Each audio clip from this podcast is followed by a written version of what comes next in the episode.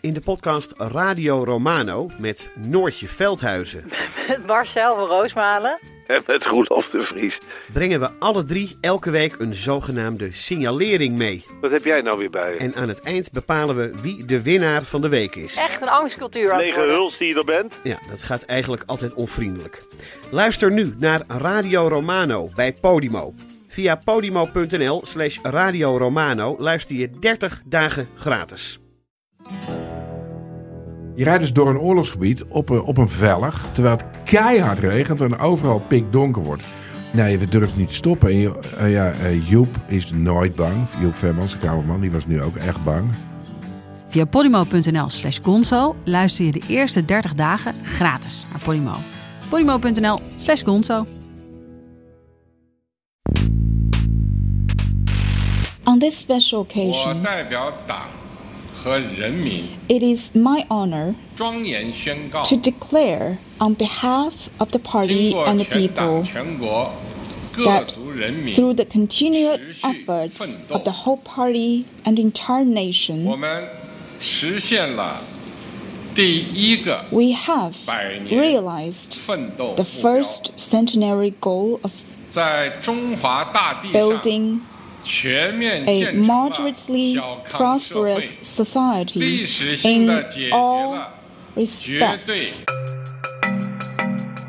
Dit is Betrouwbare Bronnen met Jaap Jansen.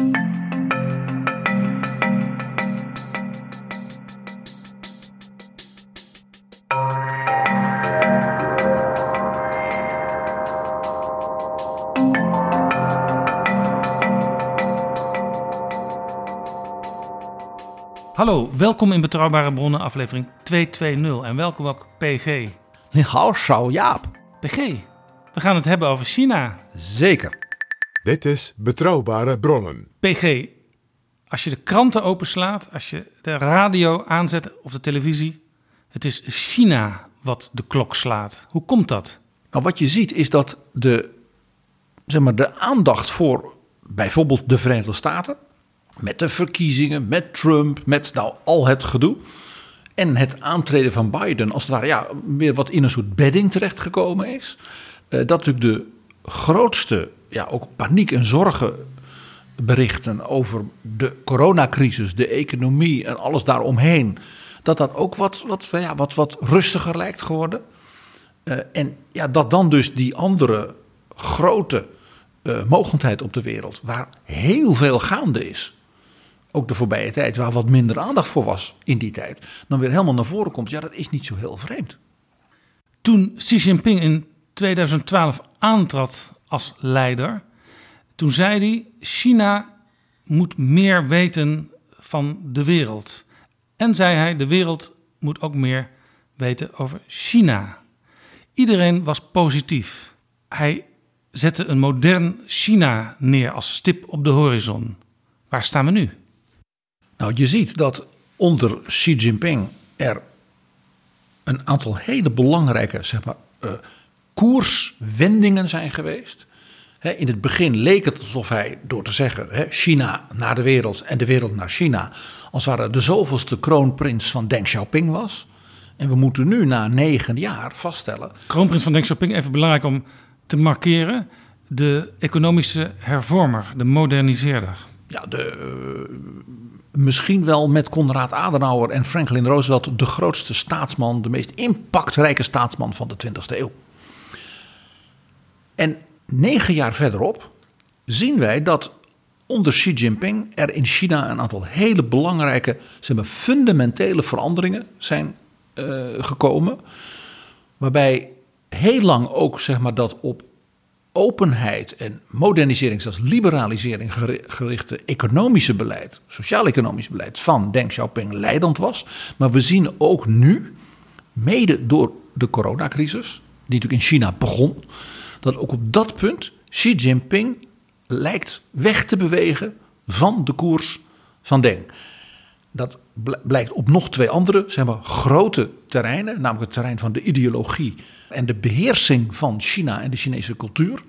En op het geopolitieke terrein, eh, waar dus China anders dan onder Deng dus een veel meer assertieve, in de ogen van sommige mensen zelfs agressieve koers is gaan varen. Ja. Er is dus op drie wezenlijke terreinen onder Xi Jinping in de voorbije jaren een echte koerswending gekomen. China maakt zich breed. China intimideert Taiwan door het luchtruim te schenden. Nou, dus echt, echt militaire, bewuste, agressieve gebaren. En steeds is, roept dat dan weer de vraag op: gaat China uiteindelijk eh, via een oorlog proberen Taiwan terug in te lijven als volwaardige provincie van China? De Communistische Partij van China is dus precies 100 jaar geleden opgericht. En dat is op een ongelofelijke manier, eh, zeg maar, groots eh, gevierd in China. Op een wijze waarvan ik denk dat wij hier in het Westen, ook natuurlijk door de economische crisis en al de lockdowns en wat dan we niet helemaal zeg maar, de alertheid hebben gehad, de focus hebben gehad op wat dat betekent in China. Dus daar wil ik ook nadrukkelijk, ook historisch gezien, echt iets over vertellen. Laten we eerst even, omdat die Chinese Communistische Partij 100 jaar bestaat, een lied aanheffen, PG. Althans, luisteren naar een lied zoals dat op 1 juli gezongen werd toen de partij groot feest vierde. Het lied heet Geen Communistische Partij, geen Nieuw China.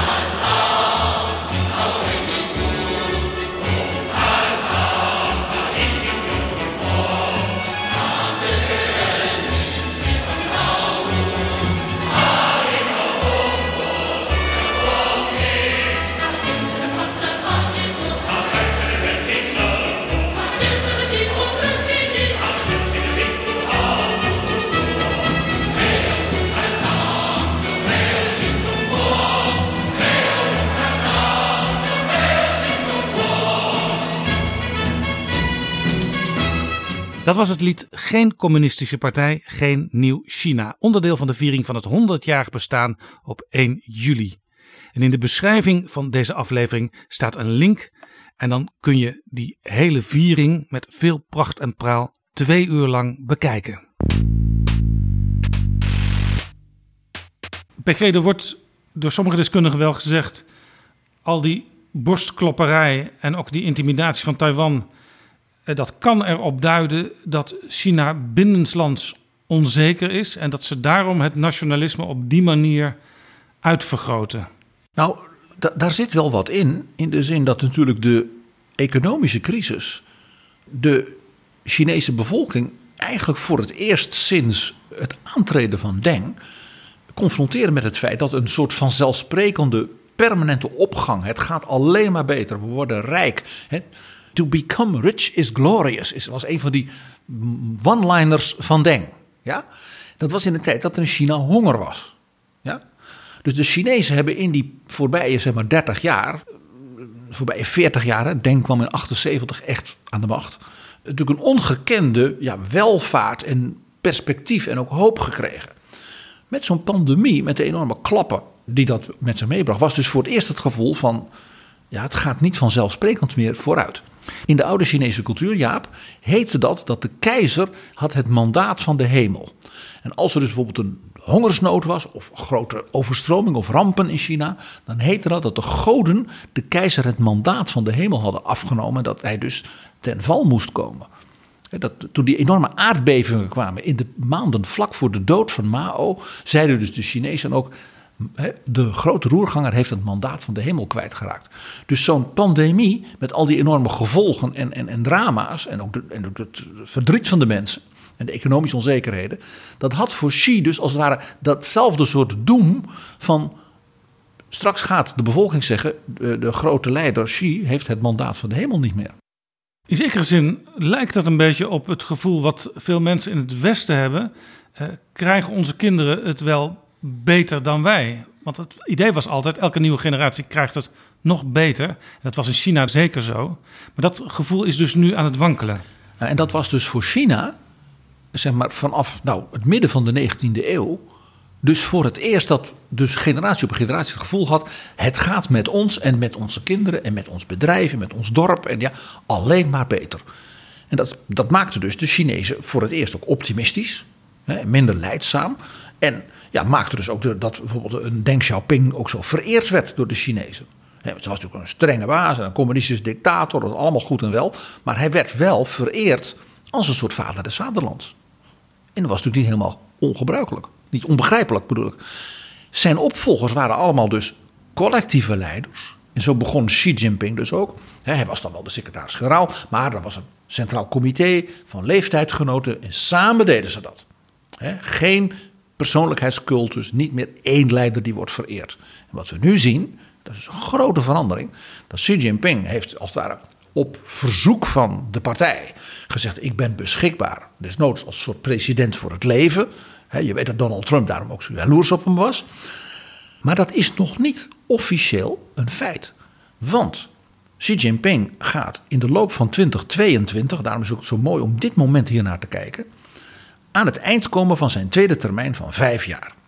En dat komt dus het moment dat dus het Centraal Comité, als het ware, het voorstel moet gaan doen aan het Nationaal Volkscongres, zoals dat heet, om Xi Jinping voor een derde termijn van vijf jaar en daarmee voor de eeuwigheid te benoemen. En dat is een echte inbreuk op de door Deng hè, voor zijn opvolgers ingezette zeg maar, regel en traditie. Dat na Deng er dus een gezamenlijk collectief leiderschap zou komen. zonder persoonlijkheidsverheerlijking. en dat één dictator de baas is. Want Deng was bang, begrijpelijk. dat dus de oude tijd van Mao. en de verschrikkingen en de burgeroorlogen uit die tijd terug zou komen. Ja, en Xi Jinping is machtig, maar dus ook onzeker op het moment. En je ziet dus dat hij, als het ware, nog, ik zal maar zeggen, breed gesteund, hè, zeg maar, collectief, die definitieve benoeming tot president voor het leven en hè, in, met die derde termijn van vijf jaar nog geregeld moet krijgen. En daarmee zien we iets zeer bijzonders, Jaap. En daar wilde ik vanuit de Chinese historie eh, eh, wat op, op ingaan. Dat namelijk dat de rol van Xi Jinping fundamenteel is veranderd in zeg maar de, eigenlijk het voorbije jaar, voorbije anderhalf jaar. Hij is zich nu openlijk gaan identificeren als ik ben niet de opvolger van Deng die in zijn lijn door blijft gaan. Nee, hij identificeert zich openlijk met Mao Zedong, de grote roerganger, die natuurlijk zijn leven lang de leider van communistisch China was, 1949 tot 1976, met alle ups en downs, maar Mao bleef Mao. En ook anders dan Deng, althans in onze, onze westerse ogen, een veel minder logische koers heeft eh, gevaren. Nou, zeer, zeer, zeer, zeer eh, wisselend kun je wel rustig zeggen, Ma- eh, Mao. En ten tweede, Deng was iemand die gewoon zei, ja, ik ben een oude baas. Ik heb Deng wel eens ook eerder in betrouwbare bronnen, vooral met Adenauer vergeleken. Een oude man die, die dacht van, ik moet het nu doen. Dus een old man in a hurry. Dus hij had haast, enorm gedreven.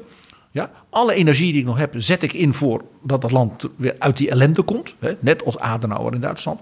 Maar ook iemand die op een bepaald moment zei: Ja, ik ben nu in de tachtig. Nou, Adenauer had er moeite mee. Deng Xiaoping in zekere zin ook, hè, want die is toen gestopt. Maar heeft toen na twee jaar en is die treintour door Zuid-China gedaan. Omdat hij vond dat zijn opvolgers te slap waren. En de hervormingen niet genoeg voortzetten. Toen kwam hij, toen was hij bijna 90, toch nog even weer. Nou, dat Adenauer-achtige van, van, van Deng, daarvan heeft dus Xi nu gezegd: nee, ik ga, en dat doet hij op drie hele symbolische manieren, mij presenteren als de nieuwe Mao. En dat is op drie ja, rollen die dus iedere Chinees herkent in Xi Jinping. Onthoud, een communistische dictatuur kent geen publiek debat. Dus dan worden dingen veranderd door symboliek, door beelden, door codes, door campagnes. Weet je wel, de vier grote hervormingen van, van Deng. Laat Duitsland bloemen bloeien, laat honderd scholen wedijveren van, En je Mao. weet eigenlijk pas als Chinees, als inwoner van de Volksrepubliek, dat je een nieuwe weg in bent gemarcheerd als je al halverwege bent. Als dus de grote leider of het Centraal Comité of de partij met een nieuwe slogan, met een nieuwe campagne komt. En ineens moet iedereen met het rode boekje zwaaien. Dat soort dingen. En het interessante is dus dat Deng Xiaoping van dat soort dingen in het begin dat nog deed, maar er als het ware steeds meer afstand van nam, dat steeds meer begon te relativeren. En we zien dus nu dat Xi Jinping dat weer volledig terugbrengt. Dat zijn drie zeg maar, manieren en dat zijn eigenlijk drie rollen van de persoon Xi Jinping. Hè, daarmee zie je hem dus ook boven de rest uitstijgen. En die rollen zijn voor iedere Chinees herkenbaar als Mao-rollen, zal ik maar zeggen. De eerste is, Xi Jinping presenteert zich als de dorpsleraar.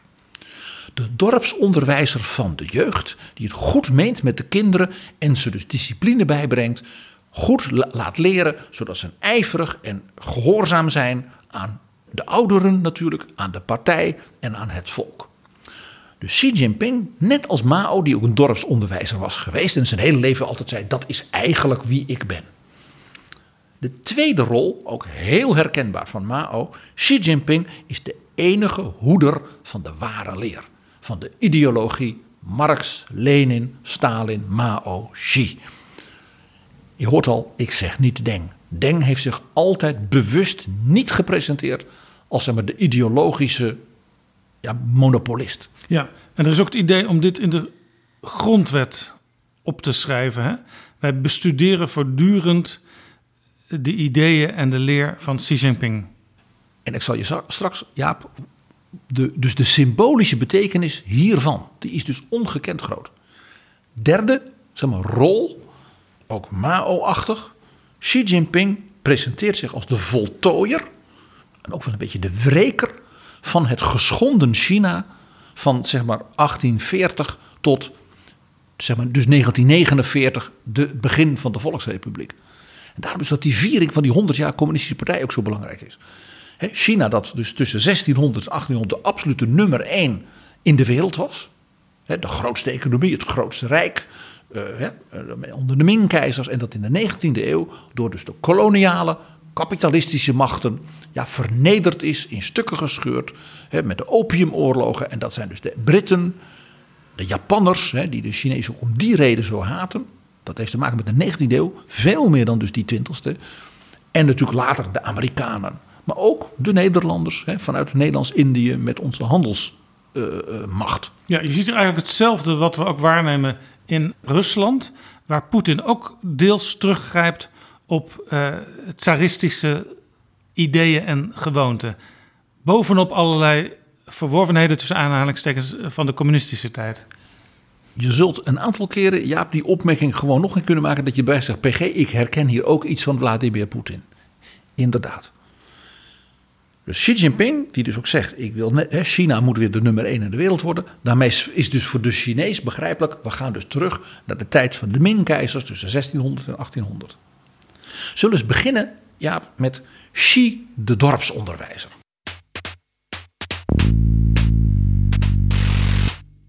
Het feit dus dat Xi Jinping ineens die rol is gaan aannemen, is ook weer een signaal dat, dat Xi dus afscheid neemt, in zekere zin wegdrukt, de erfenis van Deng Xiaoping. Want misschien herinner jij je nog de Betrouwbare Bronnen editie nummer 95 over de grote, de geschiedenis bepalende speeches van de voorbije zeg maar, 100 jaar, naar aanleiding van de, alle toespraken van alle wereldleiders tot hun volk over corona. Toen heb ik gewezen op die speech toen nog een geheime speech, later gepubliceerd, van Deng Xiaoping in 1978 op dat door hem zelf bijeengeroepen congres over de hervorming van het onderwijs in China. En, en toen hield hij tot slot daarvan een soort concluderende speech, die door heel China ja, werd verspreid, waarbij de Chinezen begrepen, Deng Xiaoping maakt hier een eind dus aan die traditie van Mao als dorpsonderwijzer en komt met een eigen visie dat zegt het onderwijs moet open gegooid worden. Jonge mensen moeten alles kunnen leren wat ze willen en we moeten de beste ideeën uit de hele wereld in China brengen, want alleen zo kan China zelf open en ook weer welvarend en groot worden. Dat was natuurlijk een tamelijk schokkende, ideologisch ook schokkende gedachte van de leider van een communistisch land. Die zegt: de scholen, de studenten, de hoogleraar moeten vrij zijn. Binnen de kaders van het, van het communisme. Maar daarbinnen, ga uw talent ontplooien, maak er wat van. Ja, ook om China te kunnen laten aansluiten bij de globaliseringsgedachte. En bij de rest van de wereld, qua technologie, gezondheidszorg en al die andere dingen. Ik heb alles eerder verteld over dat ik vrij kort daarna zelf met eh, minister Deetman van Onderwijs in China was. En wij dus daar persoonlijk getuigen waren van deze enorme drive om in te halen wat China natuurlijk in die tijd onder Mao allemaal uh, was kwijtgeraakt. En het beeld van Xi, de leraar, de dorpsleraar, uh, dat doet mij weer denken aan het oude beeld zeg maar van onze voorouders in Nederland. dat je de hoofdonderwijzer had, die als de wijze man van het dorp werd gezien en die ook wel eens nog andere kranten en andere bladen las dan de meeste dorpsbewoners. En aan wie de ouders hun kinderen graag toevertrouwden, want dat was de wijze man. En zo wil Xi nu dus ook weer gezien worden. En dat is dus voor ons als Westerlingen in die zin herkenbaar. Dat is ook een wat zeg maar, bijna Confucianistische relatie. De leraar, de wijsgeer en de onwetende. Uh, en dus ook de kinderen, want hij die dus ook een kinderlijke geest hebben. Het volk is dus ook het kind van de onderwijzer. Dus er zit ook een element van, van Confucianistisch soort ouderschap. Hij is ook een beetje de vader. En dus ook een beetje het tegengestelde van wat jij net zei. Onderzoek alles, uh, ga studeren, uh, doe, doe vreemde experimenten, want je komt er altijd door vooruit. Nu is het meer zo, wacht even wat de dorpsonderwijzer jou voor boekjes gaat geven om te bestuderen. Wat natuurlijk ook heel erg bij Mao zat, als de grote roerganger. He, terwijl Deng was de bevrijder, de opener. Deze zomer heeft Xi Jinping iets gedaan wat letterlijk in elk Chinees gezin, in elke Chinese school, in elke Chinese buurt, zeg maar, een aardbeving veroorzaakt. We hebben daar hier in het Westen wat minder aandacht voor, dus ik wil daarover vertellen. Een dramatische beleidsingreep in het onderwijs. Met één pennenstreek ongeveer zijn alle particuliere bijspijker, extra uitdagende weekendscholen, klassen, uh, Engelse les, los van dus het lager onderwijs en de MAVO en de HAVO en wat dan ook in China, verboden. Ja, want uh, al die bijspijkering, uh, daar kun je eigenlijk twee dingen over zeggen, denk ik. Eén, blijkbaar voldoet het reguliere onderwijs niet voldoende. En twee, dat was een enorm verdienmodel voor mensen in het onderwijs. En dat kostte ouders echt een rip uit het lijf. Ouders die vaak ook om financiële redenen uh, zich bij één kind houden, terwijl dat officieel is die politiek er is die niet meer. Uh, maar je wilt het beste voor je kind, je wil de hoogste haalbare opleiding voor je kind. Dus dat bijspijkeren, dat, dat, dat deden heel veel mensen. En daar zat ook iets in vanuit de cultuur en natuurlijk van de voorbije decennia onder Deng. Maak iets van jezelf. Hè, word het beste in dit of in dat. Want hè, dan kun je dus welvarend worden en rijk. En dat is eervol. En ook heel belangrijk in China, als een kind heel erg zijn best doet, brengt hij daarmee ook eer aan de familie. Dus dat heeft, er zijn ook hele oude culturele meritocratische motieven die dus in dat extra onderwijs zitten. En wat zegt Xi Jinping? Ik verbied al die schooltjes en opleidingsinstituten. Dat was een bedrijfstak die dus genationaliseerd werd. Want het mag dus wel voortgaan, maar onder toezicht van de overheid, dus van Beijing. Dus in elk dorp in China mag het nog wel, maar onder toezicht van Beijing. Beijing bepaalt dus de, wij zouden zeggen, de accreditatie van die opleidingen. Gaat dus kritisch, zeer kritisch kijken naar het curriculum.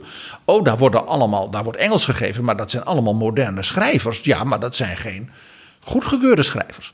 Je moet dus meteen ook weer denken: dit is een soort communistische ingreep van bovenaf in zeg maar, de openheid die dus Deng Xiaoping altijd zo had bevorderd. Ja, en creatieve leraren die laten ook eh, vaak uh, filmpjes en films zien, ook uit het Westen. Nou ja, daar wordt dan ook allemaal streng op toegezien. Ja, en technologische dingen die worden bijgespijkerd met westerse kennis. Nou, je ziet al voor je, daar was dus een opmerkelijk soort vreesachtigheid ontstaan naar de impact van dat zeg maar, particuliere onderwijs rondom het staatsonderwijs. En de gevolgen daarvan zeg maar, voor de Chinese cultuur en de misschien ook wel interne discussie en behoefte aan vrijheid en wat dan niet.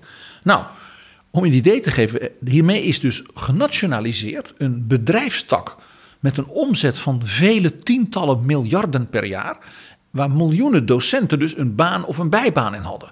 Dus het is echt een economisch enorme dreun. En die is dus echt van bovenaf, hè, als een soort oekase, in dat opzicht dus heel klassiek communistisch ook weer. Helemaal niet de denkachtig van ik ga die bedrijfstak dan moderniseren en van onderop en wat dan niet. Nee, van bovenaf. En het symbolische aspect hiervan is natuurlijk heel duidelijk. De dorpsonderwijzer is Xi, de, de heerser, de communistische baas. Ja, doet me in zekere zin ook denken aan een verdienmodel in Cuba. eh, wat eh, is, eigenlijk is afgeschaft. In Cuba had je tot voor kort twee valuta: de officiële nationale valuta en een toeristenmunt. En via die toeristenmunt konden heel veel Cubanen flink bijverdienen. door bijvoorbeeld het rondleiden van toeristen door de stad Havana of door een andere stad. En eh fooien als eh, in de horeca en zo. En dat vervalt nu allemaal. Dat is interessant. De DDR had dat ook. Hè? Die had de zogenaamde intershops. Dat waren winkels waar je dus westerse consumptiegoederen en zo kon kopen. Maar dat kon alleen met, met goedgekeurde, als het ware, neveninkomsten... waarin je bijvoorbeeld ook D-marken had. Ja, dus in zekere zin eh, geldt voor dat Chinese onderwijs waar je moest bij, worden bijgespijkerd eh, hetzelfde als voor Cuba. Ze zien dat he- er naast het systeem iets parallels is ontstaan. En dat kunnen we eigenlijk niet accepteren. Nee, men ziet dat doet ook als een bedreiging. Aan het idee dat alles wat het communisme voortbrengt, dat dat prima is, dat dat oké is. Maar ja, Xi Jinping deed nog iets deze zomer. Want dit was dus zeg maar een soort institutionele eh, top-down, ja, reusachtige ingreep. Het punt natuurlijk, wat ik net zei, ieder gezin in China ongeveer, elke school werd hiermee dus op zijn grondvesten geschud. Maar hij deed nog iets. Hij heeft het opvoedingsideaal van de partij, dus het communistische opvoedingsideaal, in het kader van dat feest 100 jaar communistische partij, opnieuw opgepoetst en weer als het ware naar voren gedragen. Dus ook dat element van die opening onder Deng Xiaoping werd dus als het ware teruggedrukt. En als ik je nou vertel, een van de dingen, ook weer elk gezin in China wordt daar dus mee de, met dorpsleraar Xi geconfronteerd. Hij heeft laten vastleggen dat ouders een beperkt aantal uur per dag hun kinderen mogen laten gamen. Dus de, de leider van de staat beschouwt zichzelf als de opvoeder van de jeugd en vindt misschien wel dat de ouders niet streng genoeg zijn. Nog iets, hoogst opmerkelijk. Er is naar buiten gebracht vanuit uh, Xi en dus het, uh, het bewind dat uh, de media in China en de cultuur en de jeugdcultuur en de, zeg maar, de theaters en de muziekwereld, dat die zichzelf eens even kritisch moet bekijken, want er is een overdaad aan aandacht en verering, en dat is niet goed, van verwekelijkte jongens. Dus de sterren van de televisie en van de popmuziek en Ja. de filmpjes en TikTok. De influencers. De influencers, dat zijn, dat zijn geen viriele kerels. Hier zie je, denk ik, de invloed in China van de K-pop. Dat vinden ze geen mannelijke, eh, dappere communistische helden. Ja, de K-pop afkomstig uit Korea, Zuid-Korea. En dat wordt in China natuurlijk gekopieerd. En hè, je ziet hier ook dus de invloed van dat TikTok, wat ook uit China komt. Maar dus dat bevindt dus nu, als ware op de sfeer daarin, hè, met name dus de rol van jongens, eh, dus wordt teruggedrukt. Tegenover, ik zal maar zeggen, die dus wat verwekelijkte jongens eh, hè, uit Korea en uit de popmuziek en TikTok, ging dus de partij, als het ware klassieke helden, dappere kerels, helden, ja echt heldentypes uit de geschiedenis van de partij naar voren halen. En je begrijpt, daarom was dat feest, 100 jaar communistische partij, ook heel goed getimed. was allemaal geen toeval. En men ging bijvoorbeeld ook in China nu de nieuwe helden van de 21ste eeuw, en dat zijn de taikonauten. Dat zijn dus de astronauten, want die heten in China taikonauten, want taiko betekent volgens mij Chinees voor heelal of zoiets. Dat zijn de veroveraars van het heelal. En die zijn als het ware wat Mao met zijn hè, grote mars. En de helden van de revolutie en van de oorlogen tegen de kapitalisten. Hebben we nu de veroveraars van het heelal. Dus de taikonauten, dat zijn natuurlijk jonge militairen. Dat zijn natuurlijk kerels. Ja, dus als je nu op school een opdracht krijgt om een opstel te schrijven over een van je helden, dan weet je waar je het moet zoeken. En je begrijpt, dit is ook weer, let even op, dit heeft natuurlijk direct impact natuurlijk ook weer op die bijlesklassen. Die vroeger dus in China tot voor kort dus maar een grotere vrijheid was. Wat betreft, je vult zelf die curricula in als ouders en als leraren. Ja. En dat wordt dus nu ook door die nationalisatie en deze, dat nieuwe communistische of oude communistische opvoedingsideaal. Dus ook weer onder curatele gebracht. Ja, en ik kan me ook voorstellen dat met al die bijlessen, dat de wat orthodoxere onderwijzers soms dachten van ja, ik leer ze hier van alles in de beste tradities. Maar er komen zoveel invloeden van buiten. En de ouders vinden het helemaal niet goed als ik eh, kinderen daarvoor straf geef, bijvoorbeeld. Ja, en de ouders zijn bereid daar heel veel geld voor te betalen. Dus dat vinden ze belangrijker dan mijn werk. Dat, zo, hè, zo moet je het ook nog weer zien. En dan is er nog iets, nou dat zal iedere luisteraar van Betrouwbare Bronnen onmiddellijk eh, toejuichen. Eh, hè, dus leven Xi Jinping, de dorpsleraar, heeft nog een verbod afgekondigd per omgaande. Geen datingshows en ik zal maar zeggen BN'ers in de jungle die dan, ja. Die programma's, die bestaan ook, ook in China allemaal, die zijn allemaal gestopt. Want daar werd een verkeerd samenlevingsideaal gepresenteerd. En met name ook een bourgeois opvatting over romantiek. Terwijl als je als kindje uit een één kindgezin komt, is het toch wel handig om via televisie wat, wat, wat over andere jongeren te leren. Nou Ja, Jaap, jij bent weer veel te eh, empathisch, merk ik. Eh, eh, ik. Ik ging er toch vanuit dat iedereen die betrouwbare modder luistert... dit toejuicht, dat dat soort verschrikkelijke, vreselijke televisieprogramma's... door een wijze dorpsonderwijzer... die dan ook nog de basis in het land gewoon wordt gestopt. Maar het geeft dus aan, dit is natuurlijk heel klassiek communistisch. Een bourgeois ide- ideaal over emotie... Die verwekelijkste jongens, dat hoort daar dus ook bij. Dus de meisjes worden als het ware weer via. We stoppen de datingshows. Je moet weer op een socialistische manier eh, de romantiek beleven. Eh, je moet een taikonaut, een andere held vereren. En niet zo'n K-pop jongen. Dit is dus een fascinerend ja, soort ingreep. En echt van bovenaf. Dus het is echt heel bewuste symbolische cultuurpolitiek. Die, waarvan je natuurlijk onmiddellijk zegt: dit is niet Deng Xiaoping. Nee. Terwijl China natuurlijk sowieso altijd al niet een lijn had rechtstreeks met Twitter en Facebook zoals wij dat kennen. Die hadden daar allemaal al Chinese varianten op. Met natuurlijk interne censuur. Ja, en desalniettemin is die ontwikkeling blijkbaar zo niet te stuiten voor het regime dat men nu deze toch, hè, wij zouden zeggen, wat reactionaire, repressieve benadering. En daarin, jij wees er al eerder op, dat heeft wel een soort Poetin-gehalte ook. Dat men dat dus blijkbaar nodig vindt. Vandaar dat ik zeg, dit is ook een signaal van een soort ja, onzekerheid van het regime. Hebben wij nog wel voldoende greep op de jeugd, de cultuur, de discussie en de uitingen in het land? Nou, voor elke Chinees is dus deze, dit codegedrag, deze symboliek herkenbaar. Hè? Mao, de dorpsonderwijzer, vergeet niet dat hij in 1966 zijn jeugd, de Rode Gardes, opdroeg. Ga in tegen de partijbonzen, ga in tegen de gegroeide bourgeois cultuur, vernietig de hoofdkwartieren. Dat was de officiële leuze van de culturele revolutie. Waar de vader van Xi Jinping ook nog last van heeft gehad. Zo is dat.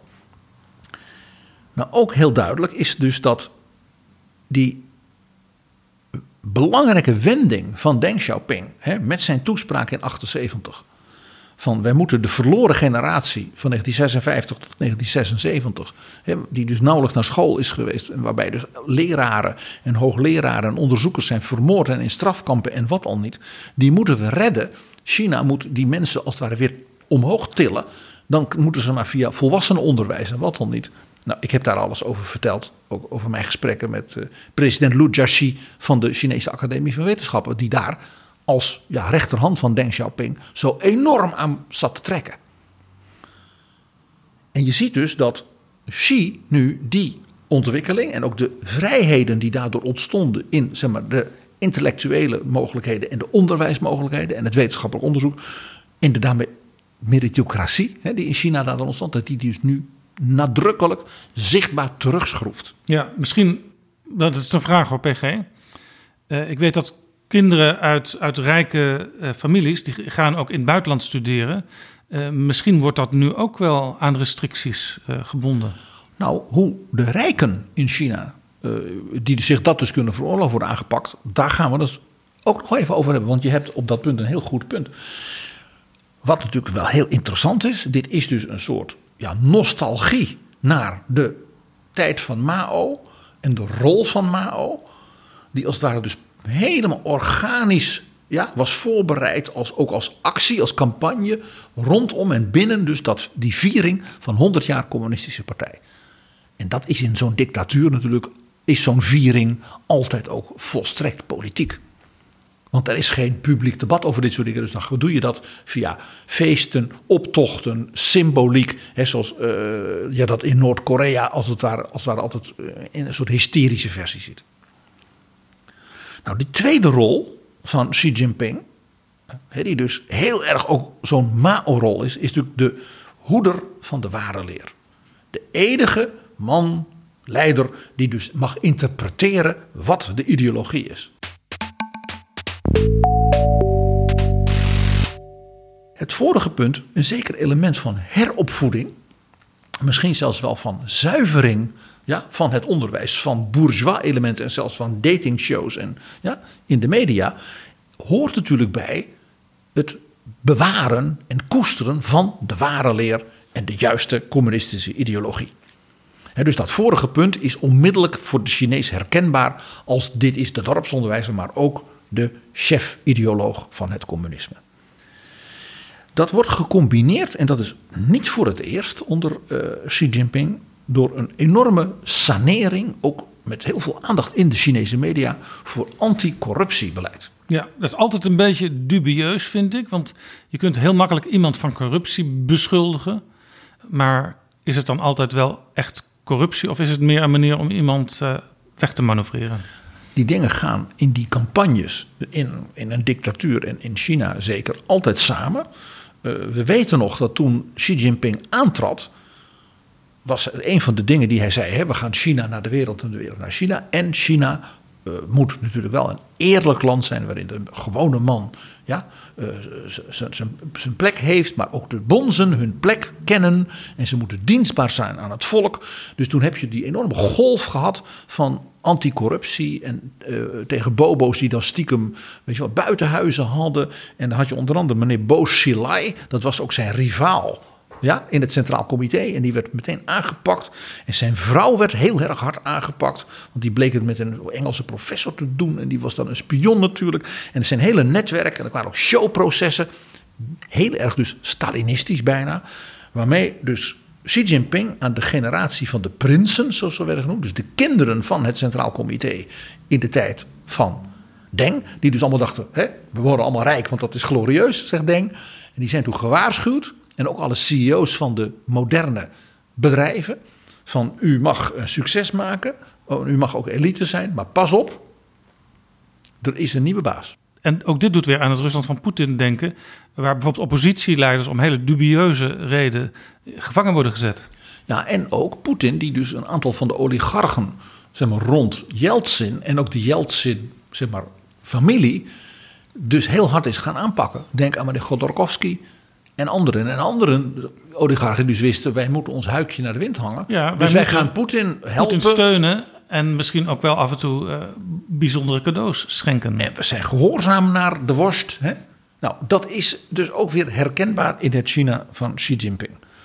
En dus de favoriete CEO's en jonge uh, ook, uh, ondernemers en de nieuwe bedrijven, die dus de oude Deng aanmoedigden, die werden dus op die manier door Xi tot de orde geroepen. En sommigen werden aangepakt die mogelijke rivalen waren. Nou, je ziet dat dus nu opnieuw gebeuren. Er is weer een hele golf van regionale partijleiders in Shanghai en in al die verschillende provincies. Hè, waar dus Xi Jinping het gevoel heeft, die zijn mij niet loyaal genoeg. Die konden wel eens bezwaar gaan maken tegen mijn hè, volgende herbenoeming. Die werden dus aangepakt, want die blijken dan een luxueuze villa te hebben. Of geld in het buitenland, of dat soort dingen. En ook natuurlijk het maandenlang verdwenen zijn van Jack Ma van Alibaba. En die kwam dus toen terug en die had een soort zelfkritiek gedaan, ook weer heel Maoïstisch. Uh, want die had uh, een toespraak gehouden tot een vergadering van, ik geloof de regionale communistische partij van Shanghai en omgeving. En had zich tegen die partij Bonsen gezegd, moeten jullie eens horen, jullie kunnen helemaal niks.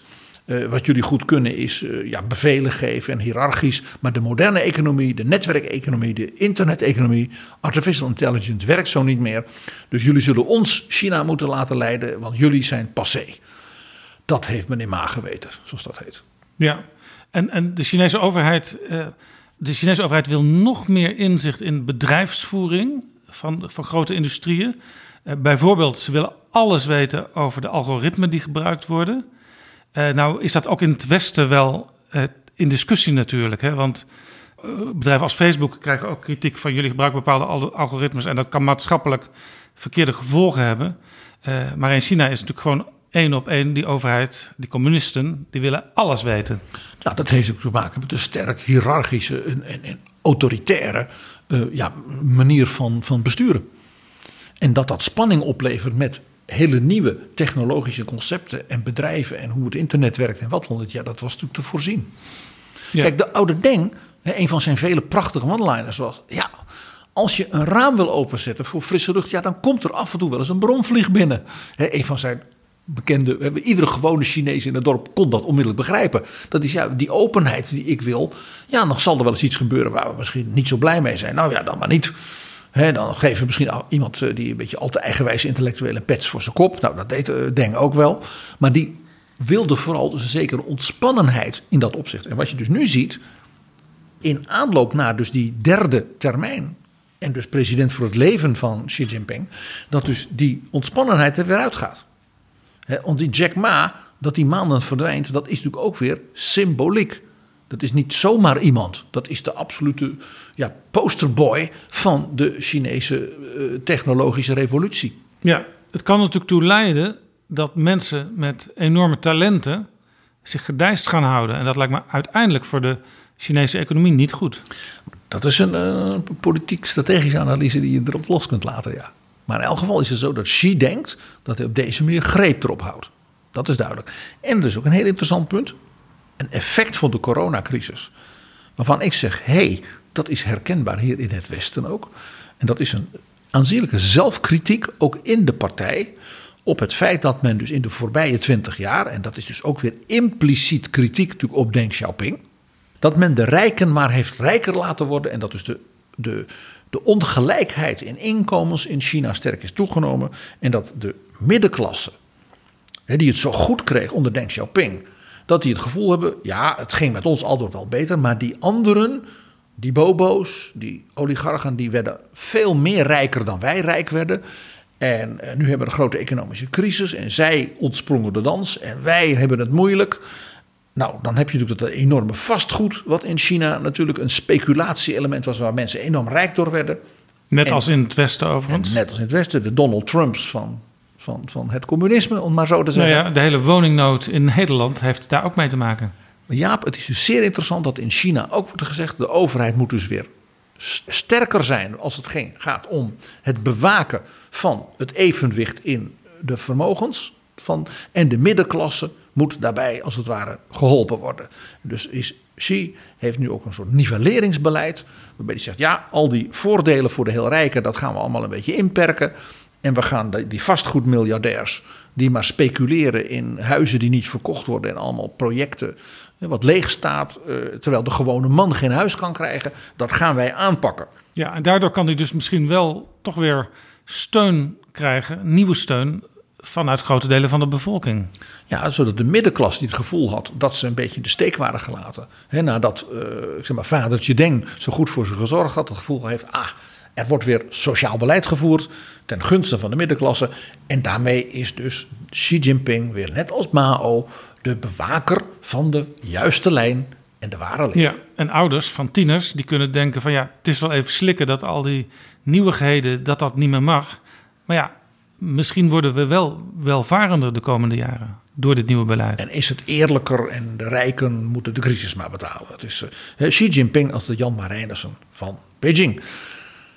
En dat raakt dus ook het punt wat jij aanstipte. De rijken die hun kinderen in het buitenland kunnen laten studeren en daaraan de vrijheid laten eh, ruiken. Dat wordt dus ook daardoor voor die rijken minder makkelijk. En nog een ding. Wat we, als je het nieuws wat volgde over China, ze hebben het voorbij, nou ja, eh, anderhalf, twee jaar. Dat je denkt, oh ja, net als Mao en in, helemaal in lijn van Mao's grote voorbeeld natuurlijk Stalin. Hard aanpakken van minderheden, van religies, van, van mensen waarvan je denkt, ja, maar die, die, die volgen de, de, de, de, de lijn van de ideologie niet. De mensen in Tibet, de Oeigoeren, alle niet-officiële kerken, dus ook de christelijke kerken in China, die als het ware voor zichzelf beginnen en niet bijvoorbeeld erkend worden door zoiets als het Vaticaan. Ook het oude volksgeloof, de secten in China. Dus van oude, zeg maar, eh, eh, eh, ja, wij zeggen in het Westen, heidense geloven van de verschillende volkeren in China, ook binnen de Chinese Ja, gemeenschap. en het, daar ook het weer geheel incorporeren van Hongkong binnen de Chinese normaliteit. Dus die, die harde repressie, nou, de Oeigoeren eh, is natuurlijk bekend, eh, daar, schrikt men ook van, met echt concentratiekampen en dwangarbeid. Dat hoort dus heel erg bij die, zeg maar, dat herbenadrukken van de ideologische zuiverheid, de ware leer en dus ook weer Xi als de nieuwe Mao.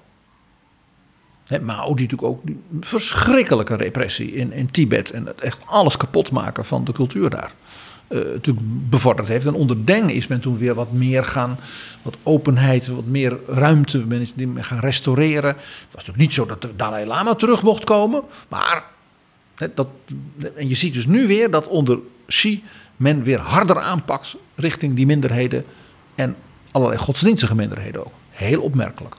En dus geen toeval als je kijkt naar de trend waar ik nu op wijs. Ja, daar was trouwens deze week nog in het nieuws via RTL en Follow the Money dat eh, het Erasmus Medisch Centrum in Rotterdam samenwerkt met Chinese universiteiten. En de Chinezen die zijn zeer keen op een methode die in Nederland ontwikkeld is om aan bloed van alles af te lezen. Onder andere gebruiken de Chinezen die methode nu ook op allerlei middelen om de Oei- Oeigoeren te onderdrukken. Eh, dus jongeren mogen niet te modern worden in het Westen. Maar het is wel fijn als er wat Chinese jongeren bij ons studeren om de kunst af te kijken. Nou ja, het schijnt ook een Nederlands IT-bedrijf geweest te zijn dat de, de allerslimste technologie met China deelde en verkocht voor dat social credit point systeem waarbij je dus mensen op straat kon herkennen of ze bij het oversteken niet stiekem bij rood toch al doorliepen en dan kreeg je dus minpunten voor als je een uitkering nodig had. Dat hele bewakingssysteem van hè, dat, dat perfectionistische bewakingssysteem in China via het internet. Ook dat is Nederlandse technologie voor een deel.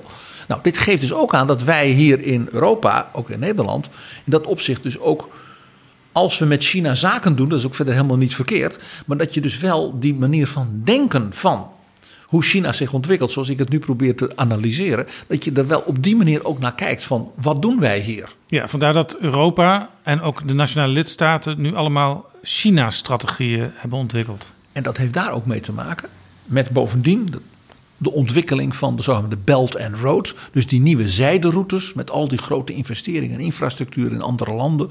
Om die landen dus aan je te koppelen. Daar is in Europa een buitengewoon interessant signaal in de afgelopen weken geweest. Die dus helemaal in, zeg maar, in het kader staat van wat wij nu bespreken. Nou ja, jij wees al op de aanpassing van de Chinese grondwet. Waarin dus het Xi Jinping-denken officieel is opgenomen als fundament van de Chinese staat. Dat is dus, terwijl hij dus nog leeft en aan de macht is, wordt dat gedaan. Ook hier dus weer Xi Jinping, de enige, zeg maar ook het monopoliehoeder van de ideologie. Mao had dat al gedaan. Die had natuurlijk gezegd: wij zijn een communistisch China. Dus in onze grondwet staat: China bouwt voort op de leer van Marx, Engels, Lenin en Stalin. Die vier koppen zie je in China ook nog altijd met dan als vijfde Mao Zedong. Stalin ook? Want Stalin ook. met Stalin hadden ze toch niet altijd een goede relatie, die Chinezen? Maar Stalin werd en wordt door de Chinezen als een authentieke, belangrijk ideoloog nog altijd eh, eh, gezien. En het is interessant, die vijf koppen, die twee Duitsers met die baarden en die twee Sovjets en Mao. En dus geen zesde kop van dat kleine mannetje, die kettingrokende bridgespeler Deng Xiaoping. En nu komt als het ware die zesde kop en dat is die van Xi Jinping. Deng heeft dat altijd geweigerd. Toen hem dat werd aangedragen van, als eerbetoon, heeft hij gezegd: wel, nee. Bovendien, ik ben, maar, ik ben al lang met pensioen, zei hij dan. Ja. Ik ben alleen nog maar de secretaris van de vereniging van oud eh, strijders en veteranen van de Grote Mars, Lange Mars. En erevoorzitter van de Chinese Bridgebond. Meer ben ik niet. Nee, nee. Dat je secretaris van die militaire eh, heer was. Daarmee was je natuurlijk feitelijk de baas. eh, hè, als secretaris in het Centraal Comité. Dus dat was ook een soort humor die eh, Deng had. Maar die heeft dat altijd geweigerd. En het feit dus dat Xi Jinping dit nu dus in zijn tweede termijn. Dus laat gebeuren is ook een manier om te zeggen dat hij dus niet weg kan, dat hij moet blijven. Dat is een heel belangrijk punt. En er is nog iets. Ja, dat viel mij enorm op. Ineens beelden in, vanuit China, dus vanuit het officiële persgenootschap, op Twitter, op filmpjes. Xi Jinping, die in een uh, relatief soort uitgaanskostuum, ook zelfs soms in een eenvoudig soldatenpak, loopt en allemaal mensen om hem heen. En dan bezoekt hij een bedrijf of een boerderij of een school of een ziekenhuis. En dan zegt hij tegen de mensen: Dit is heel goed en dat moet beter. En dan denk je: die filmpjes die kennen wij van Kim Il-sung Ja. uit Noord-Korea. En dat is dus gebeurd ook weer in het kader van die 100 jaar communistische partij. Dat hij als de leider bij het volk, met het volk praat, goede ideeën van het volk oppikt. Soms bestraffend, dan wel eh, eh, eh, vermanend ze toespreekt. Er zijn nog hele mooie fotocollecties van Kim wijst naar dingen. En ineens zien we dat in China nu met Xi Jinping. Ik vond dat dus fascinerend, want dit is een onderdeel en ook wel, wat mij betreft, zeg maar, de sluitsteen van dus dat tweede Mao-aspect van hem. De hoeder en ook de enige, zeg maar, interpretator van de ware leer en de ideologie. En daar zit ook weer een stukje van die dorpsonderwijzer. Die met die mensen loopt en zegt, nou dat kan beter en dat, moet toch, dat doen jullie goed. En daar, krijgt hij, daar krijg je een plakplaatje van de juf. En op dat punt krijg je een uh, vermaning. Dus dat element zit daar ook weer een beetje in.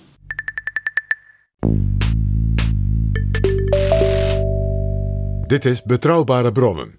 Een podcast met betrouwbare bronnen. En ik praat met PG Kroeger over ontwikkelingen in China, mede naar aanleiding van het 100-jarig bestaan van de Communistische Partij.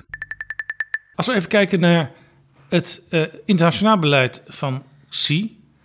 Er was natuurlijk onlangs een enorme toestand tussen uh, Frankrijk en de Verenigde Staten. Uh, want de Verenigde Staten hebben AUKUS opgericht. Een, een samenwerking met Australië en het Verenigd Koninkrijk, militair in de zeeën rond China. Er was al Quad, ook zo'n samenwerking tussen de Verenigde Staten, Australië, Japan en India. En dat zijn allemaal methoden om China in te snoeren, geopolitiek.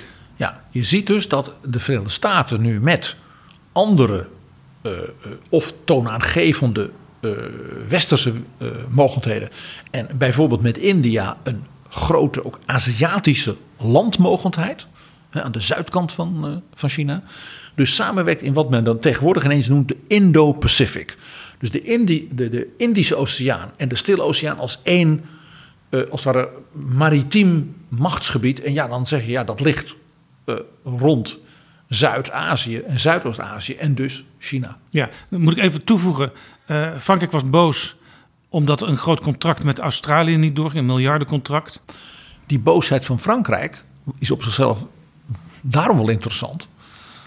Dan, want anders dan Groot-Brittannië is Frankrijk natuurlijk militair in de Pacific en in de Indische Oceaan wel degelijk een factor. Ja. De Fransen hebben daar tenslotte ook altijd hun atoombom uh, op Mururoa uitgeprobeerd. Dus dat de Fransen het gevoel hebben van wij worden als het ware op een soort strafbankje gezet of een soort, als een soort tweederangs mogelijkheid behandeld. Terwijl de Britten daar eigenlijk weinig voorstellen. Maar ja, met Australië samen dan wel. Ja, dat kan ik me van de Fransen een klein beetje voorstellen. Ja, dat is dus misschien wel de vraag waarom doet de Verenigde Staten dat, maar dat is een andere podcast, denk ik. Dat denk ik ook. Maar kijk even, jij wees al op de enorme toestanden uh, in Hongkong. Waarbij dus de Chinezen uh, zeiden vanuit Beijing: die mensen in Hongkong moeten nu maar eens gehoorzaam worden. Ze zijn tenslotte nu onderdeel van China. We hebben lang genoeg ja, dat akkoord wat we toen met mevrouw Thatcher hebben getekend, uh, ge, ja, geëerd. Maar zo langzamerhand moet maar eens, moeten ze maar gewoon braaf worden, om maar even zo te zeggen. Uh, en rijk zijn ze ook kunnen blijven dankzij ons. Dus wees maar eens een beetje gehoorzaam en dankbaar. Nou, Taiwan, je wees er al op.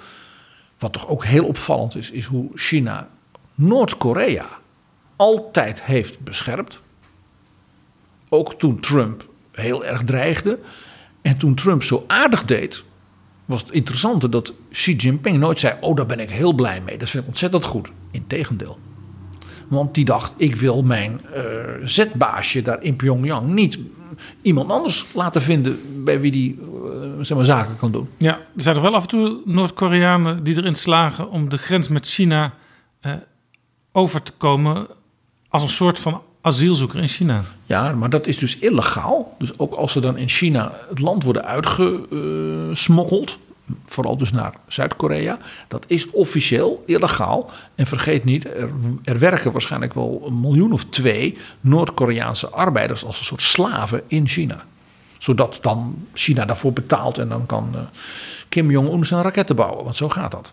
Nou, dan is er ook heel opvallend natuurlijk de verhouding tussen Xi Jinping en Poetin.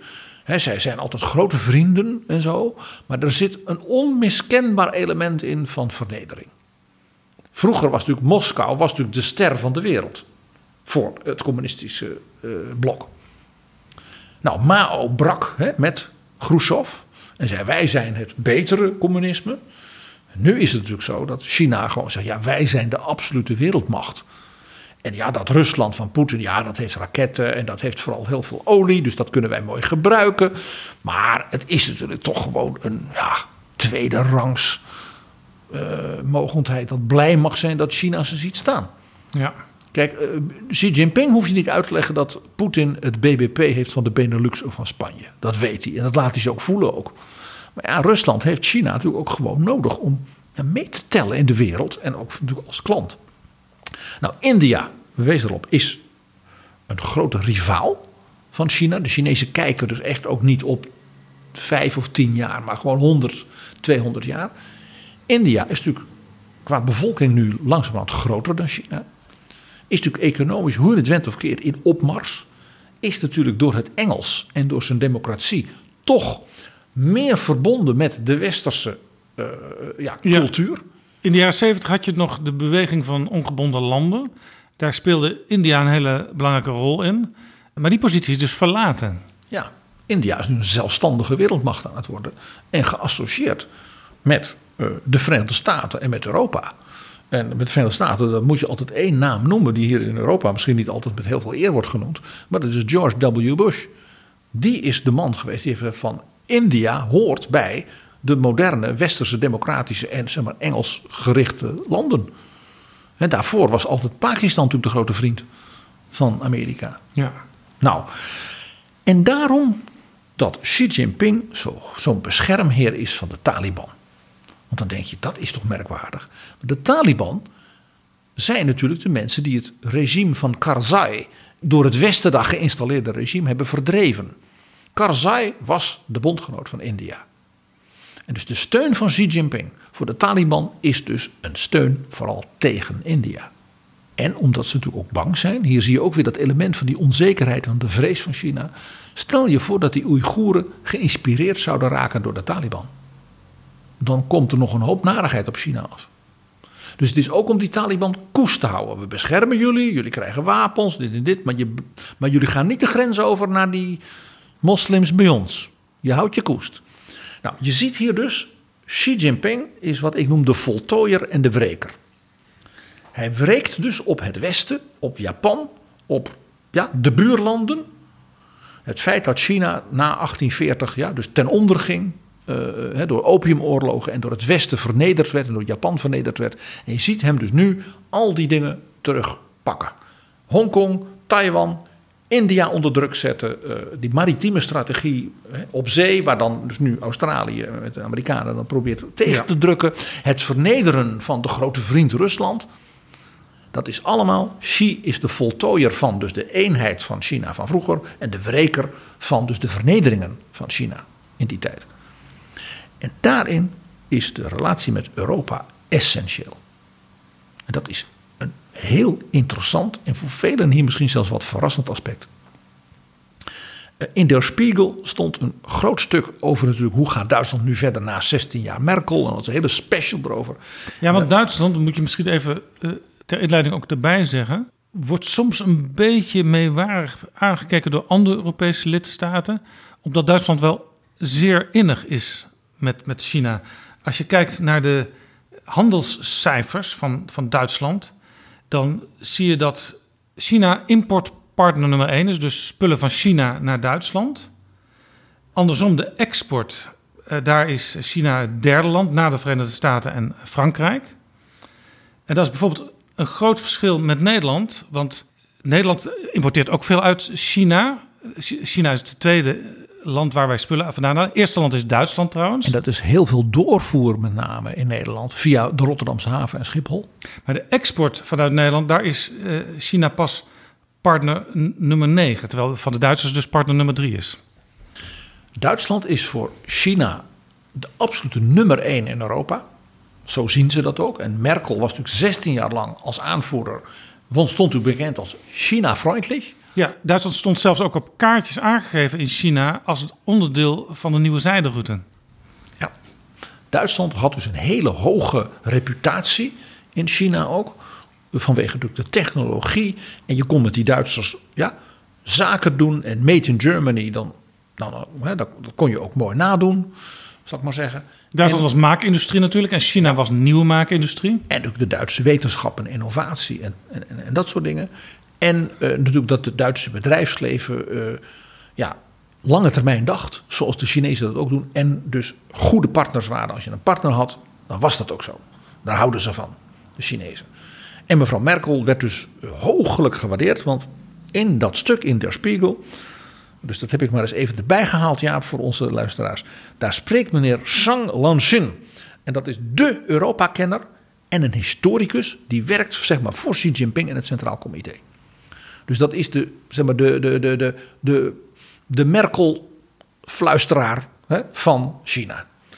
En die zegt, ja, de beste partner die China in de wereld heeft, is Angela Merkel. Want die, is, die denkt in lange termijn, die is gedegen, ze is eerlijk, je kunt met haar hè, hard zaken doen. Maar dan heb je ook een afspraak en een afspraak is afspraak. En ja, dat Duitsland, dat, dat brengt ons China ja, toptechnologie. Dus we, we bewonderen eh, Angela Merkel als symbool van Duitsland. En zij is ook echt de nummer één van Europa. Dus als je met haar praat, dan weet je dat de rest van Europa als het ware haar volgt. Want zo Ja. zien de Chinezen dat. En hij zei nog iets. Haar opvolger, dus hij bedoelde meneer Laschet dan wel meneer Scholz. Ik lees nu letterlijk voor. Moet haar voorbeeld navolgen. En ook als Merkel als mediator tussen Oost en West zich opstellen. Ja, het schiet mij ook ineens te binnen, zoals Merkel zichzelf omschreef in een citaat wat wij lieten horen in eh, de aflevering met Ralf Bolman, de Merkel-biograaf. Daar zei Merkel, ja, ik doe er misschien soms lang over om een besluit te nemen. Ik weeg alles af. Maar als ik een besluit heb genomen, dan voer ik het ook uit. Dat is eigenlijk wat precies wat de Chinese leiding ook doet. Precies. Men herkent dus de stijl en ook de, zeg maar, de niet al te grote flamboyance van de persoon van Merkel. Ook dat wordt in China natuurlijk bij leiders, zeker sinds Deng, ja, hooglijk gewaardeerd. Serieus, ingetogen, eh, wel hard in de onderhandelingen. De Chinezen hebben ook ge- gezegd dat zij hebben geaccepteerd van mevrouw Merkel. Zo van, ja, dat moet je van iemand van dat niveau accepteren. Dat ze altijd een lijstje bij zich had van zeer kritische kanttekeningen. Van Ai Weiwei die werd vervolgd, eh, geleerden die in de gevangenis zaten. Dus mensenrechtenaspecten waar zij altijd als enige wereldleider openlijk dus ook Xi op aansprak. En die was dan boos en die zei ja, maar, maar, maar. maar twee weken later werd, kreeg zo iemand ineens een visum om in Duitsland hoogleraar te worden. Maar nu de kabinetsformatie in Duitsland, de Groenen doen mee. En die kijken op een heel andere manier naar China, zoals ze ook op een andere manier naar de relatie met Rusland kijken. En die voelen veel meer voor dat nieuwe Europese idee van strategische autonomie.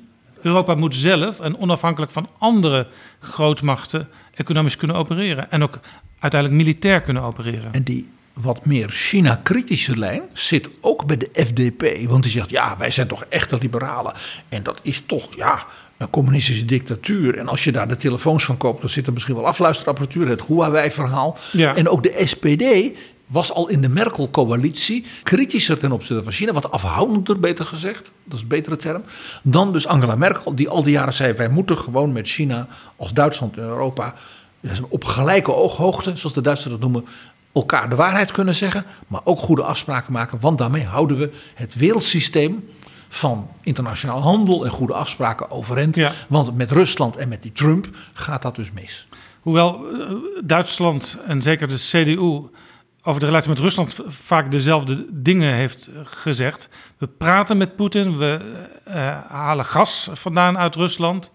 Dat houdt elkaar in balans. Nou, de laatste weken blijkt dat op energieterrein eigenlijk niet zo te gaan. Nu bleek dat die meneer Zhang Lanxin nog een Duitse vrouw hoog had zitten. Ursula von der Leyen. Want hij zei, kijk, dat is prachtig dat die Duitse mevrouw nu dus Europa leidt. Want het, het, het, gevoel in China is, we hebben nu twee Duitse vrouwelijke leiders die Europa trekken. Nou kan het helemaal niet misgaan hè, in hun ogen. En hij zegt, dat concept van de strategische autonomie van de Europese Unie, dat vinden wij heel erg goed. Maar kijken ze dan niet vooral naar de transatlantische relatie van Europa met de Verenigde Staten, waar dan eh, een breuk in zou komen? Eh, tegelijkertijd is het natuurlijk ook onafhankelijkheid van China. Wij moesten op China wachten voordat we mondkapjes hadden en allerlei andere spullen. Daar willen we vanaf. Maar Jaap, je moet dit zien vanuit Beijing, niet vanuit Den Haag. De Chinese leiding, ik zal die kijkt op termijnen van 50 en 100 jaar. Die zegt als Europa zich dus langzamerhand ontkoppelt van eh, de grote wereldmacht eh, met zijn atoomparaplu. Dan Van, biedt dat ons weer allerlei openingen. dan biedt dat ons meer opening. Ik lees nu letterlijk voor wat meneer Shang zei in Der Spiegel over dus dat strategisch autonome Europa onder leiding van Ursula. Dat maakt het veld wijd open voor vruchtbare samenwerking. En hier zit nog iets bij, waar ik eerder op wees. Dit is natuurlijk ook een impliciete manier van de Chinese leiding om tegen Poetin te zeggen: Jij bent natuurlijk ook eigenlijk maar een kleintje. Want dat Europa, ja, en dat is strategisch autonoom, dus wat losser van Amerika, dat vinden wij niet erg. En ja, economisch en als het gaat om de wereldhandel en technologie en wat dan niet, is natuurlijk Rusland gewoon helemaal niks vergeleken bij het Europa. Die Benelux is net zo groot als jij, eh, Ja. Vladimir. Ja, het is de vraag of, of de Chinese de positie van Ursula von der Leyen dan wel scherp genoeg zien. Want eh, von der Leyen heeft denk ik minder dominantie binnen Europa dan Merkel had binnen Duitsland. Maar dit was natuurlijk van deze Chinese geleerde een manier om tegen dat Duitse magazine, Der Spiegel, de Duitsers natuurlijk en hè, een beetje te kwafferen. Door zeggen, ja, die Ursula von der Leyen vinden we ook zo geweldig. Wat hij natuurlijk bedoelt is die strategische autonomie, die geopolitieke commissie als gedachte. Dat spreekt ons Chinezen vanuit het Chinese geopolitieke belang nogal aan. Ja, nou hadden we het al eerder over eh, het insnoeren van de vrijheid voor het bedrijfsleven en, en voor de wetenschap. Dat kan natuurlijk uiteindelijk toch een terugslag hebben op de economische positie van China. Ja, en dat, daar is een interessant signaal voor. Mevrouw Merkel heeft in het Duits voorzitterschap van de EU, daar hebben we toen uitgebreid over gehad, ja, had, was een van haar ambities was een grote EU Xi Jinping summit. Die ging toen niet door door de lockdown. Is toen ook niet, is toen virtueel een beetje geweest, maar lang niet wat men had gehoopt. En dat kwam omdat het door Duitsland met China voorbereide soort akkoord over intellectueel eigendom waarbij Europa en China elkaars posities zouden accepteren en er een soort deal zou komen. Dat is niet doorgegaan, omdat een heel veel ook Europese bedrijven, niet-Duitse bedrijven, zeiden wij vinden dit te zeg maar, vriendelijk naar de strategie van Xi Jinping.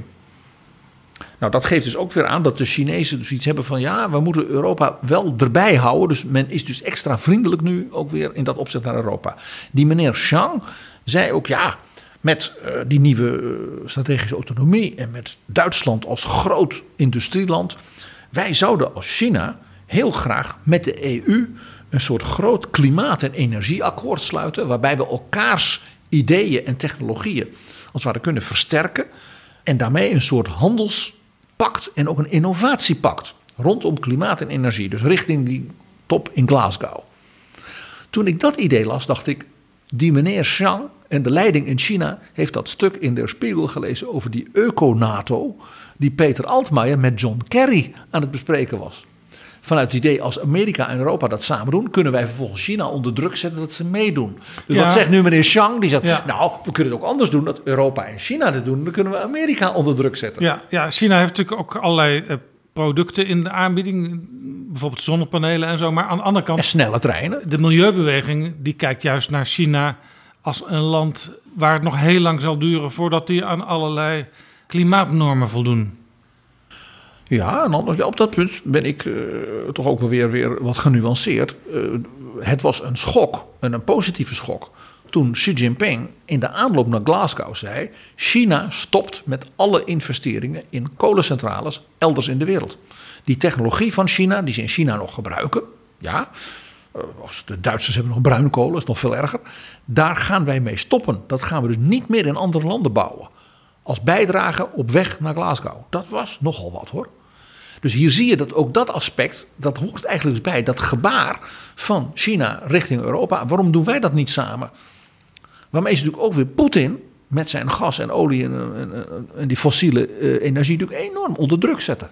Dat is Ja. het enige wat hij heeft Ja. wat hij kan exporteren. Ja, het is dus een ragfijn spel tussen de grootmachten, kun je Ja, concluderen. waarin dus Europa met zijn strategische autonomie en dus die nieuwe positie van Europa door China als een gelijkwaardige partner wordt beschouwd. Al heeft het de helft van de bevolking van China, maar door de, ja, de kwaliteit van de Europese economie, de kwaliteit van de Europese wetenschap en al dat soort dingen. China dus Europa, nou ja, zich echt ziet staan, veel meer dus dan het vernederde Rusland. Daarbij speelt natuurlijk nog één ding. Een van de redenen waarom natuurlijk mevrouw Merkel en Duitsland door de, door de Chinezen zo wordt gewaardeerd. En impliciet daarmee de EU. Is dat ze zeggen: kijk, het mooie van Duitsland en van Europa van na 1945. Is natuurlijk dat er geen geopolitieke ambities meer zijn. Eh, Er worden geen veroveringsoorlogen meer gedaan door de Europeanen. En dat koloniale rijk, dat hebben ze opgeheven. Daar is niks meer van over. En dat willen we graag zo houden. Dus een Europa als partner dat dus geen geopolitieke ambities heeft. Zoals Poetin wel heeft, zoals Amerika ook wel heeft. En zoals India in hun ogen ook Sterker heeft. nog, zoals Xi Jinping zelf heeft, als je naar de relatie met Taiwan kijkt, als je naar het bezetten van allerlei eilandjes in de Zuid-Chinese zee kijkt. En de Chinezen gaan ervan uit dat de Europeanen dan wel de andere kant op kijken. Want die hebben toch die spullen niet om daar tegen in te gaan. Dus dat is ook een hele fijne partner daardoor. Dat is natuurlijk ook machtspolitiek cynisme. Dus Europa is ook daarom zo fijn, omdat het geen geopolitieke ambities kan hebben. Nou, dus drie rollen van Xi Jinping, waarvan iedere Chinees, en ik hoop dus onze luisteraars nu ook, zegt van dit herken ik meteen. De dorpsleraar, de monopolist van de ware leer en de ideologie en de wreker, de voltooier van de positie van China op het wereldtoneel, zoals het hoort, zoals dat vroeger was. En dat is dus de basis waarop dus Xi Jinping dan hoopt volgend jaar zoveel power en credibility te hebben dat hij dus voor het leven de leider wordt en daarmee dus een echte fundamentele inbreuk nogmaals op dus de koers van Deng Xiaoping. En toch ja, en toch. China is natuurlijk niet een land zonder problemen. Het is natuurlijk een enorme wereldmacht. En het is ook een reus op leme voeten. Want er kwam deze zomer nog iets naar buiten. En dat is ook niet zo heel veel zeg maar, in de wereldpers geweest. En dat is dat in China de census weer was gedaan. Eens om de tien jaar. En we Volkstelling. Weten, ja, en we weten hè, natuurlijk dat China, dat, dat is een enorme bevolkingsexpansie. Hè, van, van zoveel honderd miljoen naar dit en meer dan een miljard. Hè, één, op de, één op de vijf mensen op aarde is een Chinees. Allemaal dat soort verhalen. Die census kwam naar buiten en die was een eye-opener, een schok. Want wat bleek? De bevolking van China was de vorige tien jaar eigenlijk nauwelijks gegroeid. Er is dus sprake van een zeer sterke vergrijzing in China. En de zogenaamde één-kind-politiek in de tijd van Mao, die dus toen is gerelativeerd onder Deng Xiaoping, heeft eigenlijk nooit geleid tot een, zeg maar, een soort ja, doorbraak uh, in de Chinese bevolking. Men is dus heel veel in het, zelf als gezinnen één-kind-politiek blijven doen. Ook vanwege de welvaart. Je ja. wees al even ook op het onderwijspunt. Van een kind, een kind grootbrengen? Ja. En de kenners hebben daarbij gezegd van ja, de officiële censuscijfers laten dus zien dat de bevolking nauwelijks is gegroeid. De echte cijfers die daaronder zitten konden wel eens al aantonen dat de bevolking van China dus de voorbije jaren al begonnen is te krimpen. En dat dat wel eens zou kunnen kloppen voor de kenners was dat Xi Jinping deze zomer nog, ja deze zomer is er dus veel gebeurd hè, nog een volkomen onverwachte gebaar maakte. Ook in het kader van 100 jaar Communistische Partij. En zijn aandacht voor de jeugd. Ja, de dorpsonderwijzer. De Chinezen mogen voortaan drie kinderen hebben in een gezin. Dat wordt door de overheid dus niet afgestraft, maar aangemoedigd. Ja, en dit is ook een reden waarom die van al die duur betaalde bijlessystemen af wilde. Daar, dan werden meer dan één kind, dat werd gewoon te duur. En door dat dus te nationaliseren en onder de greep van Beijing te brengen, waar had je dus meerdere vliegen in één klap. Je kon tegen die ouders zeggen, u hoeft niet meer zulke hele dure dingen te betalen. Dus dat derde, tweede en dat derde kind, dat moet toch kunnen. Dat is toch mooi. En ten tweede, wij zorgen ervoor dat die kinderen goed worden opgevoed en geen verwekelijkte jongens helder krijgen. Nog wel een probleempje, want veel Chinezen die eh, in de grote stad zijn gaan wonen, die wonen klein. En ja, waar laat je dan dat tweede kind en dat derde kind uh, slapen? Omdat dus de Chinezen dat hele kleine gezin ook bleven prefereren. Hè, na de dood van Mao en in de tijd van Deng, was dus dat klein wonen ook niet zo'n probleem. Dat hele punt waar ik het al eerder over had, over die enorme vastgoedboom, waardoor de mensen zeggen, ja, allemaal leegstaande, maar ik kan geen huis betalen, raakt dus meteen weer dit punt van dat gezin en daarmee dus ook die opvoedingspolitiek en die onderwijspolitiek. Zo zien we hoe dat in elkaar grijpt. Wat we hier dus zien is als het inderdaad zo is dat China dus feitelijk al een krimpende, sterk vergrijzende bevolking heeft, dan doet het dus denken aan een ander groot land, namelijk aan Rusland. Ja. En ook aan delen van de, de Europese Unie. Zeker. Is bij ons ook zo. Maar niet zo dramatisch als in Rusland. In sommige landen in Europa wel, maar andere landen gaat, is de bevolkingsgroei, dus in Nederland overigens ook zo, nog gewoon gaande. Frankrijk heeft ook door zijn hele actieve zeg maar, gezinspolitiek. Met, met, eh, met dat vrouwen, eh, kinderen, hè, als ze werken, daar een goede opvang voor is en zo. Heeft Frankrijk zelfs een heel behoorlijk geboortecijfer nog altijd. De grote rivalen op het wereldtoneel, zoals China dus naar de wereld kijkt, de Verenigde Staten en India, nou daar kun je één ding van zeggen. Die krimpen niet qua bevolking. Dat zijn dynamische, nog altijd relatief jonge bevolkingen. Dus daar komt elk jaar heel veel nieuw talent bij. En die trekken ook, mede door het Engels, ja, en de top van hun universiteiten en de bedrijven, jonge, dynamische mensen naar hun land. Dat is dus voor China op de lange termijn gezien een bedreiging. Ook daar weer dus, let op hoe dat zich weer geopolitiek vertaalt. En je ziet nog iets. Je ziet dat dus die Belt and Road, die zijderoutes, dat dat dus uh, verzet en tegenkrachten oproept. Ja. Dat men het gevoel heeft, ja, nou krijg je dan van China uh, weet je, leningen om een vliegveld te bouwen. Maar ja, dan, moet, dan eisen ze ook dat zij dan de snelweg daarna heen bouwen. En dan zit je in het net verstrikt. Precies. En zo zijn er ook landen in Europa, met name in de Balkan. En maar denk ook aan Griekenland, die op die manier toch aan geld hebben geprobeerd te komen. En daarom is wat er de afgelopen weken gebeurd is zo buitengewoon interessant, Jaap.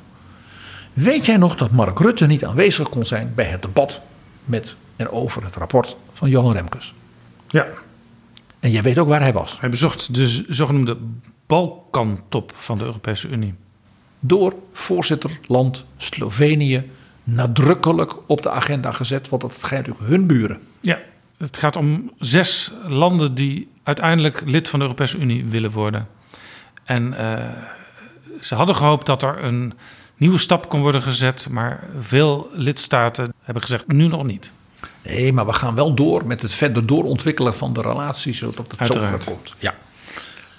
En Mark Rutte, dus de premier van Nederland, denkt: ik moet toch echt naar Slovenië om te praten over de West-Balkan, Albanië, Montenegro, Servië. En dan denk je waarom? Nou, die landen waren een heel belangrijk object van die zijderoute-investeringen van China. En onder andere in Montenegro heeft dat geleid tot grote financiële ellende. Dus Montenegro, een klein maar slim landje daar in de Balkan, wordt gebruikt en doet het ook zelf als waarschuwing aan die andere landen. Geldt ook voor Griekenland.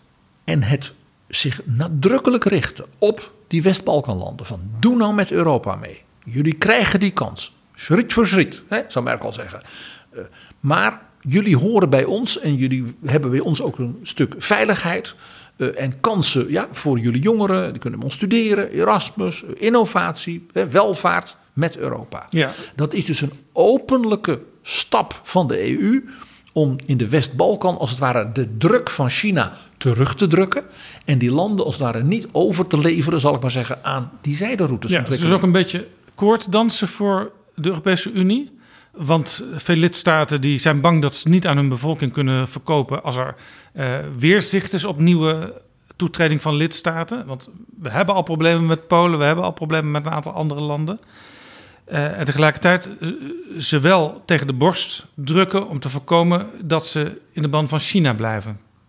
En zo zie je dus hoe dit hele verhaal ook dus weer de positionering van Europa en ook dus die geopolitieke rol en die strategische autonomie van Europa dus raakt. Dat ook een Mark Rutte, laten we heel eerlijk zijn, ja, 15 jaar geleden zou de premier van Nederland niet hebben gezegd: ik kan helaas niet bij een beslissend debat over de kabinetsformatie zijn, want ik moet zo nodig naar Slovenië om te praten met mijn collega van Montenegro. Die premier zou in Nederland weggelachen zijn. Als uh, Wim Kok of Balkenende dat had gezegd. En nu, de gewoonste zaak van de wereld, dat doet Sophie Hermans het maar. Dat geeft dus aan hoe fundamenteel, ook geopolitiek, mede door China en de positie van Europa, de wereld is veranderd.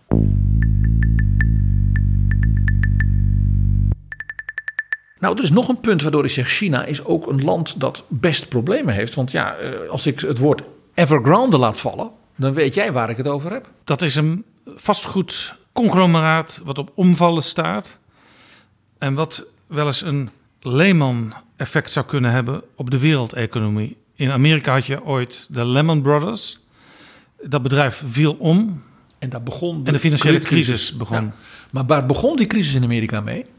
Met Freddie May, May en Fannie Mae en Freddie Mac. Ja. En dat waren dus de hypotheekgarantiesystemen voor de, de Amerikaanse burgers. En voor dus de Amerikaanse vastgoedsector. En dat donderde in elkaar. En dat is wat China dus op dit moment heeft. En dat is dus een onderdeel van het eerdere punt. Van dus die oligarchen en die enorme uh, vastgoedbubbels. Met heel veel geld en krediet. Waarvan dus Xi Jinping zegt: ja, dat, dat is allemaal de, zeg maar, de schuld van Deng Xiaoping. Hè, zegt hij impliciet van dat hè, to become rich is glorious. Nou, nee, maar niet met valse speculatieve toestanden. En je bouwt hele stadswijken waar niemand kan wonen. En zo worden die huizen niet verkocht en dan die beleggers die gaan eraan. Dus nu is dus Xi Jinping bezig met een soort gecontroleerde implosie van die vastgoedbubbels en van dus die bedrijven als Evergrande. En om te voorkomen dat natuurlijk de hypotheken en de huizenbouw van de gewone Chinees, die middenklasse waar wij het al eerder over hadden, dat die door aangaan. Dus in zekere zin, Xi Jinping zit in de situatie waar George W. Bush in zat in de laatste maanden van zijn presidentschap. Weet je nog dat hij met Nancy Pelosi probeerde ja, ja. tegen zijn eigen partij het congres in die zaak nog te redden? Nou, dat is wat Xi Jinping dus aan het doen is. En daar zit hij niet op te wachten in de aanloop naar zijn eigen, zeg maar, herverkiezing als de grote leider. Ja, en misschien is vanwege het Chinese communisme Xi Jinping dan wel iets beter eh, gepositioneerd om dit nog net in goede banen te leiden. Ja, met een soort nationalisatie zoals hij dat met die, die, die, die uh, scholen heeft gedaan, zou je bijna zeggen. Ook daar, nou ja, neem je verlies, uh, grijp in van bovenaf. En uh, ja, smeer dan de, het verlies maar uit over de, de, de komende 30, 40 jaar. Zoiets zou dus inderdaad eens kunnen. En dit raakt ook weer het punt wat we net noemden van, van, van Xi's rol de man die zegt: nee, ik ga weer sociaal beleid, waarbij de middenklasse wordt gesoffeerd en de exorbitante zelfverrijking, hè, dik zit Wim Kok, wordt aangepakt van die oligarchen en de gewone man weer, als het ware als het belangrijkste van China wordt gezien. Dat raakt natuurlijk heel erg deze woningnood en vastgoedbubbelcrisis die China dus nu meteen na corona Ja. en de grote crisis daarin dus keihard treft. Jij zei exorbitante zelfverrijking. Wim Kok zei exhibitionistische zelfverrijking. En dan zijn we ook weer terug bij die jeugdcultuur waar Xi Jinping komaf mee wil maken. Ja, dat, dat, dat eh, ex- exhibitionisme van die verwekelijkte jongenscultuur, om dat even zo te zeggen. En dat is een onvoldoende bewondering voor helden en taikonauten. Maar ook daar weer, Jaap, zeg ik, ik- je kunt het ook op een andere manier zien. Het, het is ook een beetje Poetin-achtig. Het heeft ook iets angstigs, iets ja, reactionairs. Het, ja, het komt uit 100 jaar communistische partij, vieren we. Het is ook, we zijn een beetje bang voor de jeugd die allemaal zelf dingen heeft en zich wil uiten op manieren en in, met datingshows. En, ach, bah, bah, bah, bah, bah, ja? Dus er zit iets, iets angstigs ook in. En ook dat uitzicht natuurlijk ook in die, die, die drive om via artificial intelligence en zelfs dat DNA-onderzoek met de Erasmus Universiteit. Ja, om ja. dus die bevolking te beheersen, die minderheden in de greep te houden. Interessant, want we hebben het al vaak gehad over de val van de Sovjet-Unie. En hoe Gorbachev met glasnost en perestroika kwam. Glasnost, openheid, perestroika, reconstructie. Hervorming, Nou, ja. Die Chinezen die hebben dus flink hervormd de afgelopen decennia. Deng Xiaoping deed de omgekeerde route van die zei we Maar beginnen met glasnost- perestroika en die glasnost komt dan stap voor stap zelf. Dat gaat niet goed in Rusland. Dat doen wij nu niet. Die is nu dus wel aangebroken. En meteen schrikken ze daarvan. En daarom, dus bij alle grote ontwikkelingen in China, herinner ik nog even aan wat Anne Applebaum tegen ons zei over Poetin. Hij is bang. Die man is een, ja, een grote autoritaire leider, het is een tsaar en dit en dit. Maar als je goed kijkt, hier spreekt uit angst. Als daar die Oekraïense jongeren in die tentjes zitten, dan raakt hij helemaal over de kook. Dan gaat hij, begint hij een oorlog. Waarvan je denkt, ben je helemaal gek geworden. En je, en je, je rooft die Krim en dat kun je helemaal niet betalen. Dus dan heb je ook nog grote financiële economische klappen. Je krijgt sancties en alles op en eraan. En Applebaum zei, angst. En dan is dat dus het sleutelwoord, denk ik, PG, waar we deze aflevering van Betrouwbare Bronnen mee eindigen. Angst speelt in allerlei delen van de wereld. In China, in Rusland, ook in de Verenigde Staten. Kijk maar naar de opkomst van Trump. Ook in Europa en zelfs op microniveau in de Nederlandse politiek. Angst zorgt ervoor dat bijvoorbeeld die kabinetsformatie zo lang duurt.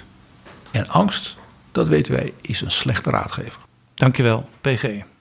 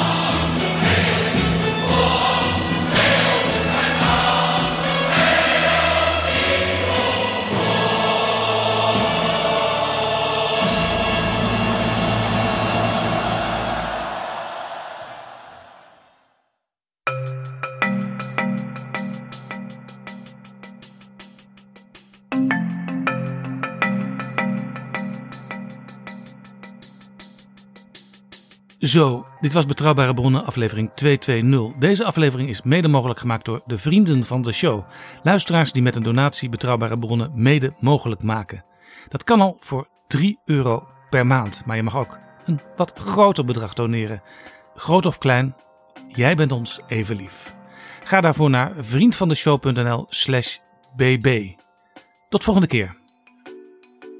Betrouwbare bronnen wordt gemaakt door Jaap Jansen in samenwerking met dag en nacht.nl.